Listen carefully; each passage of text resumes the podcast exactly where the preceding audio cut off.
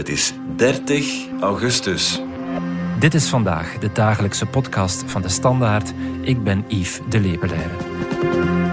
Vandaag verschijnt radiopresentator Sven Pichal voor de Raadkamer. Die moet beslissen of hij langer aangehouden blijft in een gerechtelijk onderzoek naar beelden van kindermisbruik. De zaak drukt ons weer allemaal met de neus op de feiten dat de strijd hiertegen nog lang niet gestreden is. Integendeel, slachtoffers worden jonger, het misbruik wordt explicieter en de beelden worden actiever gedeeld.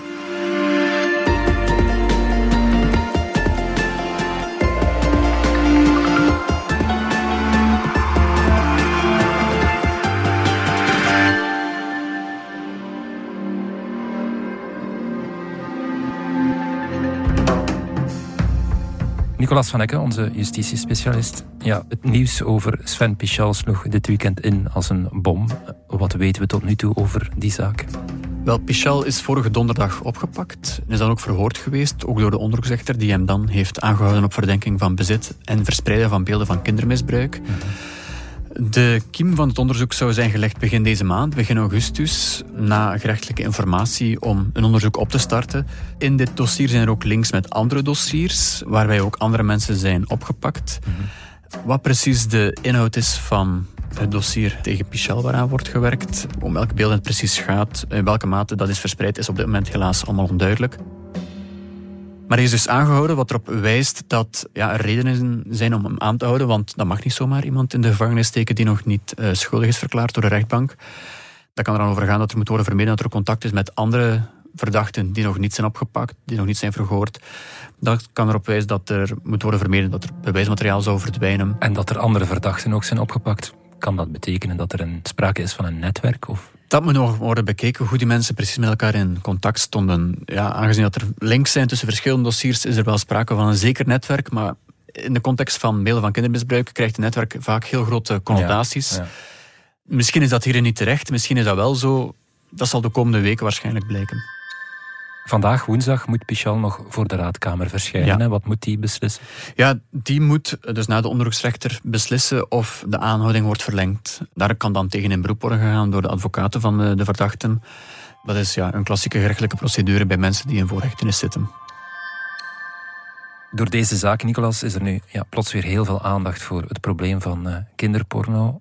Maar blijkbaar mogen we dat woord niet meer gebruiken. Hè? Nee, de voorbije jaren is er een trend ontstaan om, om weg te blijven van dat woord, omdat het een positieve connotatie heeft. Pornografisch materiaal aan zich, daar is eigenlijk doorgaans niets mis mee. Maar kinderporno, ja, dat gaat over seksueel expliciete beelden van kwetsbare personen, van kinderen. Ja. En daarom wordt er zo vaak mogelijk gekozen voor de omschrijving beelden van kindermisbruik. Ja. Het is ook niet zo dat er altijd volwassenen op die beelden staan of volwassenen daar bij dat misbruik betrokken zijn, fysiek dan. Soms gaat het om naaktbeelden van kinderen die ze zelf hebben gemaakt, in sommige gevallen zelfs, eh, doordat ze zijn gegroomd, doordat ze daartoe zijn gebracht door eh, anderen. Om eerlijk te zijn, Nicolas, leek het onderwerp een beetje uit de aandacht verdwenen de jongste jaren. Is het omdat Sven Pichal een bekende figuur is dat we het hier nu weer over hebben? Zeker, dat speelt zeker een rol. Ja, de voorbije jaren, decennia, zijn er heel veel dossiers geweest, eh, kleinere dossiers met onbekende daders en veroordeelden. Maar het is ook zo dat ja, er voorbije jaren een aantal andere crisissen zijn geweest die ook veel publieke aandacht hebben gevraagd. Hier in België is er zeer veel aandacht geweest voor kindermisbruik en beelden van kindermisbruik door de zaak Dutroux. Mhm. En dan uh, acht jaar later, in 2004, het proces Dutroux. Mm Ook misbruik in de kerk heeft ook een rol gespeeld natuurlijk in, in bewustzijn en de aandacht voor kindermisbruik en de beelden daarvan. Rond 2010 hè, kwam dat vooral. Ja, eh. maar dan, ja, de voorbije tien jaar hebben we een terreurcrisis gehad, een migratiecrisis, nog niet zo lang geleden ook uh, de coronacrisis natuurlijk. Mhm. In heel die periode is kindermisbruik helaas en uiteraard ook wel blijven bestaan, de beelden daarvan ook. Maar dus overigens, in die coronaperiode, dat is blijkbaar wel een soort katalysator geweest voor het maken van beelden van kindermisbruik, omdat door die lockdowns wereldwijd kinderen thuis zaten. Heel vaak zijn daders van kindermisbruik mensen uit de omgeving van het kind. Mhm. Dus vaders, uh, grootvaders, ooms. En doordat die vaker thuis zaten in die kwetsbare omgeving, werden ze ook vaker misbruikt. Wat dat dan weer kon leiden tot beelden eh, die verder werden verspreid. Dus dat is wel een heel, uh, een van de vele wrange conclusies na de coronaperiode natuurlijk, dat dat ook wel een rol heeft gespeeld in het uh, maken en verspreiden van beelden van kindermisbruik. Ja, dat beelden van kindermisbruik nog wijd verspreid zijn, dat vertelde ook Heidi de Pauw van Child Focus op Radio 1. Dit zijn zaken die vaak voorkomen. Um, verspreiding, bezit, het kijken naar is ook strafbaar trouwens. Beelden van seksueel misbruik van uh, kinderen is iets dat uh, ja, vaker voorkomt dan wij uh, denken. Child Focus heeft ongeveer 2000 meldingen van dergelijke beelden per jaar. Experts zeggen dat dergelijke beelden van kindermisbruik tot 19 miljoen keer per dag gedeeld worden. Ja, dan weten we dat het geen ja, marginaal probleem is, dat dit een fenomeen is dat wij verspreid is en waar we heel hard moeten tegen optreden. Nicolas, jij hebt daarover ook contact gehad met Yves Goethals van de federale politie. Wat heeft die jou verteld? Ja, inderdaad, dat is een zeer ervaren speurder die uh, diensthoofd is van de Sexy Child Abuse bij de directie georganiseerde criminaliteit, zoals dat heet bij de federale politie. Mhm. Maar iemand die dus al decennia meedraait in dit vak die al veel heeft zien veranderen daarin. En wat hij mij vertelde toen ik uh, werkte aan mijn stuk hierover, is dat de voorbije jaren de beelden van kindermisbruik wel heviger zijn geworden. En dat er ook niet minder, dat ze ook niet minder circuleren. Nu, waaruit bestaat dat dan? Die ernst van de beelden die toeneemt, een, een heel belangrijk aspect daarin is de leeftijd van de slachtoffers. En die lijken wel jonger te worden. Um, het is heel moeilijk om daar heel grote algemene uitspraken over te doen. Elk dossier op zich is uniek natuurlijk. Maar er lijkt wel een daling van de leeftijd te zijn. Bijvoorbeeld de, de Britse NGO Internet Watch Foundation, die tot doelstelling heeft om eh, beelden van kindermisbruik van het net te halen. Die stellen vast dat er meer en meer kinderen van 7 tot 10 jaar voorkomen op de meldingen die zij binnenkrijgen. Nu, het overgrote deel van de meldingen gaat wel over kinderen van 11 tot 13 jaar. Opvallend is dat de leeftijd van 13 tot 18 jaar heel weinig voorkomt binnen de mhm. meldingen. Naast die leeftijd die daalt, worden de handelingen die gesteld zijn op de beelden ook zwaarder blijkbaar. En hoe komt dat? Waarom worden slachtoffers jonger? Waarom worden die beelden extremer? De verklaring van die speuder daarvoor is dat onder meer gewenning optreedt bij daders. Doordat het eigenlijk niet zo heel moeilijk is om beelden te vinden, is er voor veel daders snel veel materiaal beschikbaar. Er treedt een bepaald soort gewenning op aan de minder zware beelden, waardoor zij ook op zoek gaan naar zwaardere beelden en ja, dan terechtkomen bij beelden van jongere kinderen, soms heel jonge kinderen, soms zelfs ja, baby's. Mhm. En dus ook bij zwaardere seksuele feiten. Nu, het is wel zo, dat was het eerste wat hij goed als mij ook zei, voor het kind maakt het niet uit hoe zwaar de beelden zijn natuurlijk. Het misbruik is altijd enorm tragisch. Ja, dit is wat Yves Goethals daarover zei aan onze collega's van het VRT-journaal. Net zoals kinderen zeggen, hm, dat is niet leuk, want het gaat niet rap genoeg, want we willen iets rapper. Dat misschien dit soort mensen altijd nieuwe uitdagingen zoekt en, en nieuwe dingen wil zien. Nicolas, zijn al die extreme beelden van kindermisbruik dan zo makkelijk te vinden op het internet?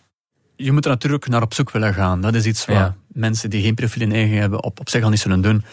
Maar heel veel materiaal wordt gedeeld via de klassieke peer-to-peer netwerken. LimeWire was zo'n programma.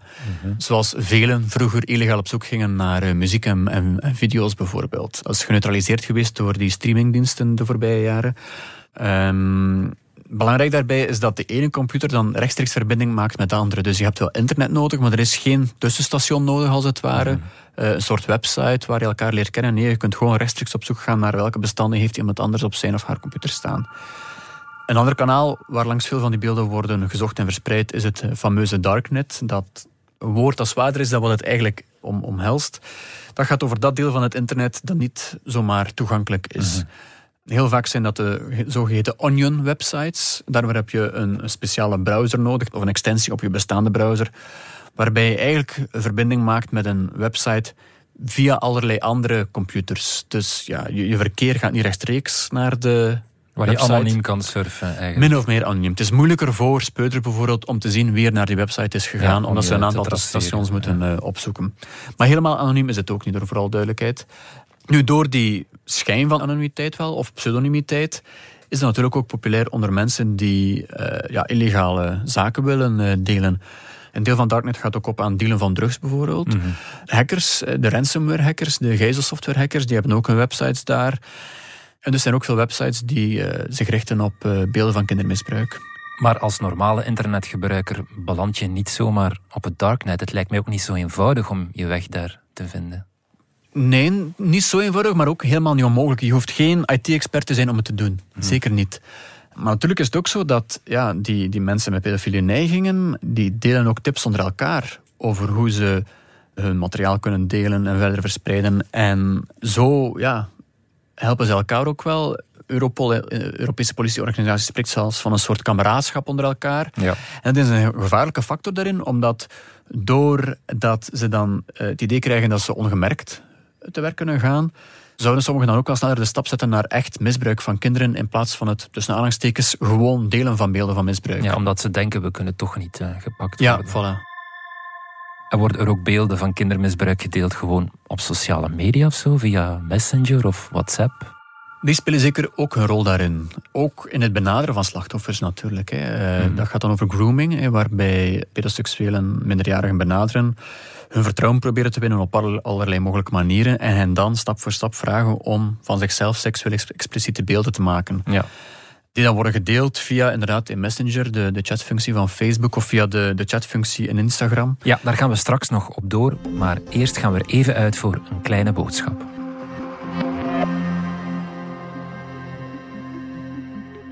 De Standaard heeft een nagelnieuwe podcast-app. In onze vernieuwde app DS Podcast vind je al ons werk van cultuurpodcast Radar en bits en atomen over wetenschap en technologie tot reeksen zoals Lacroix, ik was gangster.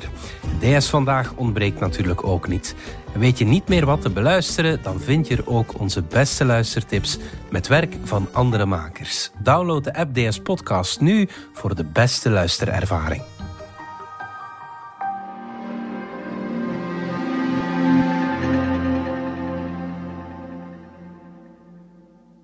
Nicolas, daarnet vertelde je over de vele manieren waarop daders aan beelden van kindermisbruik eh, geraken. Ja, dat maakt het voor politie en gerecht geen gemakkelijke strijd. Hè?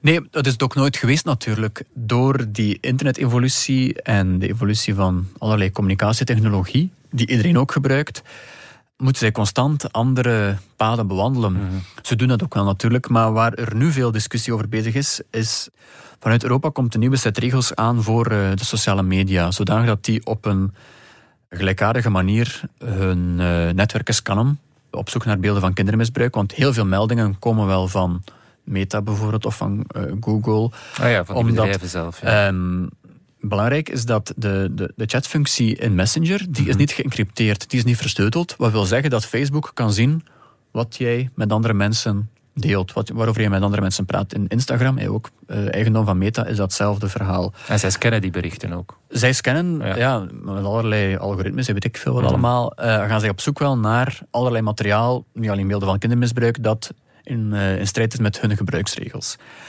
Dus de gesprekken op eh, Facebook Messenger en Instagram zijn niet standaard geëncrypteerd. Bij WhatsApp, waarschijnlijk de meest populaire chat-app Ja. ter wereld, is dat wel het geval. Signal is ook een heel bekende Ja. chat-app aan het worden, die ja, prat gaat op de anonimiteit van de gebruikers. En de discretie van hun gesprekken, dat is ook volledig geëncrypteerd. En daar is nu dus een discussie bezig dat behalve die gestandaardiseerde scanregels voor eh, sociale media, zou er ook een manier moeten komen om de geëncrypteerde gesprekken te scannen op beelden van kindermisbruik. En natuurlijk hebben privacy-experts daar heel moeilijk mee. Die vinden dat dat ja, een aanfluiting is van, eh, van onze basisrecht eh, privacy. Dus die discussie is nu volop bezig. Maar het Eh, zou politie en gerecht wel enorm kunnen helpen. ja, maar die experts, die privacy-experts, die waarschuwen dan voor het hellend vlak van het ondergraven van encryptie. Want encryptie gebruiken we niet alleen in onze chat-apps, maar bijvoorbeeld ook voor onze bankverrichtingen. Eigenlijk voor heel veel van ons internetverkeer. Eh, dat verloopt allemaal geëncrypteerd. Onze gesprekken in Teams met collega's. Ja, dat is allemaal eh, versleuteld en daardoor eh, ondoordringbaar. En hoe begin je er dan aan als speurder om daders te gaan identificeren, te gaan vinden überhaupt? Ja, vaak leidt een doorbraak of een veroordeling in het ene dossier wel tot een nieuw dossier. Omdat heel veel makers en verspreiders van beelden van kindermisbruik ja, een, collectie hebben van, van dat materiaal. En dan wordt er op zoek gegaan naar ja, wie zijn dan de slachtoffers op die andere beelden. En dat is een combinatie van allerlei technieken die, die speurders gebruiken, zoals ja, in andere dossiers ook het geval is. Wat de laatste jaren meer en meer wel gebeurt, is, ja, dat is vreemd om te zeggen misschien, maar net zoals de verdachten en de daders zelf internettechnologie gebruiken om met elkaar te communiceren en beelden uit te wisselen, doen speurders dat ook. Er zijn waarschijnlijk weinig criminaliteitsfenomenen die zo grensoverschrijdend zijn als het uitwisselen van beelden van kindermisbruik, omdat het zo gemakkelijk is. Nu, de strijd daartegen kan dan ook worden vergemakkelijkt door ja, met elkaar uitwisselen welke beelden heb jij gevonden in jouw dossiers met een collega in Australië, met een collega in Zuid-Amerika, in Rusland, om het even waar. Om zo mekaars ja, het, het, verstand samen te leggen en zo te zien of er geen doorbraak is in een bepaald dossier. Wat er ook gebeurt, is dat soms zelfs enkele dagen of weken aan een stuk uh, speurders samenkomen. Recent was dat uh, in de States het geval, waar ook een Belgische speurder aan heeft deelgenomen bij het Department of Homeland Security. En dat men door cold cases, of, of op zijn minst door onopgeloste cases gaat, om te zien, herkent iemand hier toevallig een detail op een foto dat tot een doorbraak kan leiden. Wat er zelfs ook is aan het gebeuren, uh, Europol doet dat al sinds 2017, is dat het publiek wordt ingeschakeld om bepaalde details uit foto's te herkennen. Er is een, op de website van Europol een pagina waar twaalf ja, soort puzzelstukjes mhm. van beelden van kindermisbruik staan. Voor de duidelijkheid, daar valt niets van misbruik op te zien. dat, Zijn, ja, dat zijn bijna vervormde beelden, lijkt dat wel, omdat het vaak uitgeknipte kledingstukken zijn van slachtoffers. Ah, ja. Dus de slachtoffers zijn niet herkenbaar, maar het uh, kledingstuk dat ze op bepaalde foto's aan hebben wel. En zo wordt er dan een oproep gedaan, ja, herkent iemand dit jurkje of dit schooluniform of dit voetbal-t-shirt, van welke ploeg zou dat kunnen zijn, van eh, lokale jeugdvoetbalploegen bijvoorbeeld. En levert dat veel op? Volgens Europol, of volgens de cijfers van Europol blijkbaar wel. Dus dat is begonnen in 2017 en dan tegen juli 21, dat is uiteraard ondertussen wel twee jaar geleden, maar dan in 125 eh, gevallen zijn uh, speurders erin geslaagd om na, nader te bepalen in welk land misbruik zou hebben plaatsgevonden. Er zijn ook 23 kinderen geïdentificeerd en uh, vijf daders zijn geïdentificeerd en vervolgd. Een heel bekend voorbeeld van hoe een detail op een beeld tot een doorbraak kan leiden is die zaak van Robert M., de kinderoppas in Amsterdam van 2010 was dat geloof ik waar de doorbraak erin bestond dat iemand een knuffel van Nijntje herkende op een beeld van kindermisbruik. En zo is men er dan in geslaagd van ja, Nijntje is een typisch Nederlandse knuffel. Mhm. Waarschijnlijk vindt het misbruik aan plaats in Nederland. En dan in combinatie met andere sporen in het dossier kan er dan wel worden uh, verder gegaan. Mhm. Want wie het kind identificeert zal ook in de meeste gevallen de dader kunnen opsporen. Want de meeste feiten worden gepleegd door mensen uit de directe omgeving van het kind.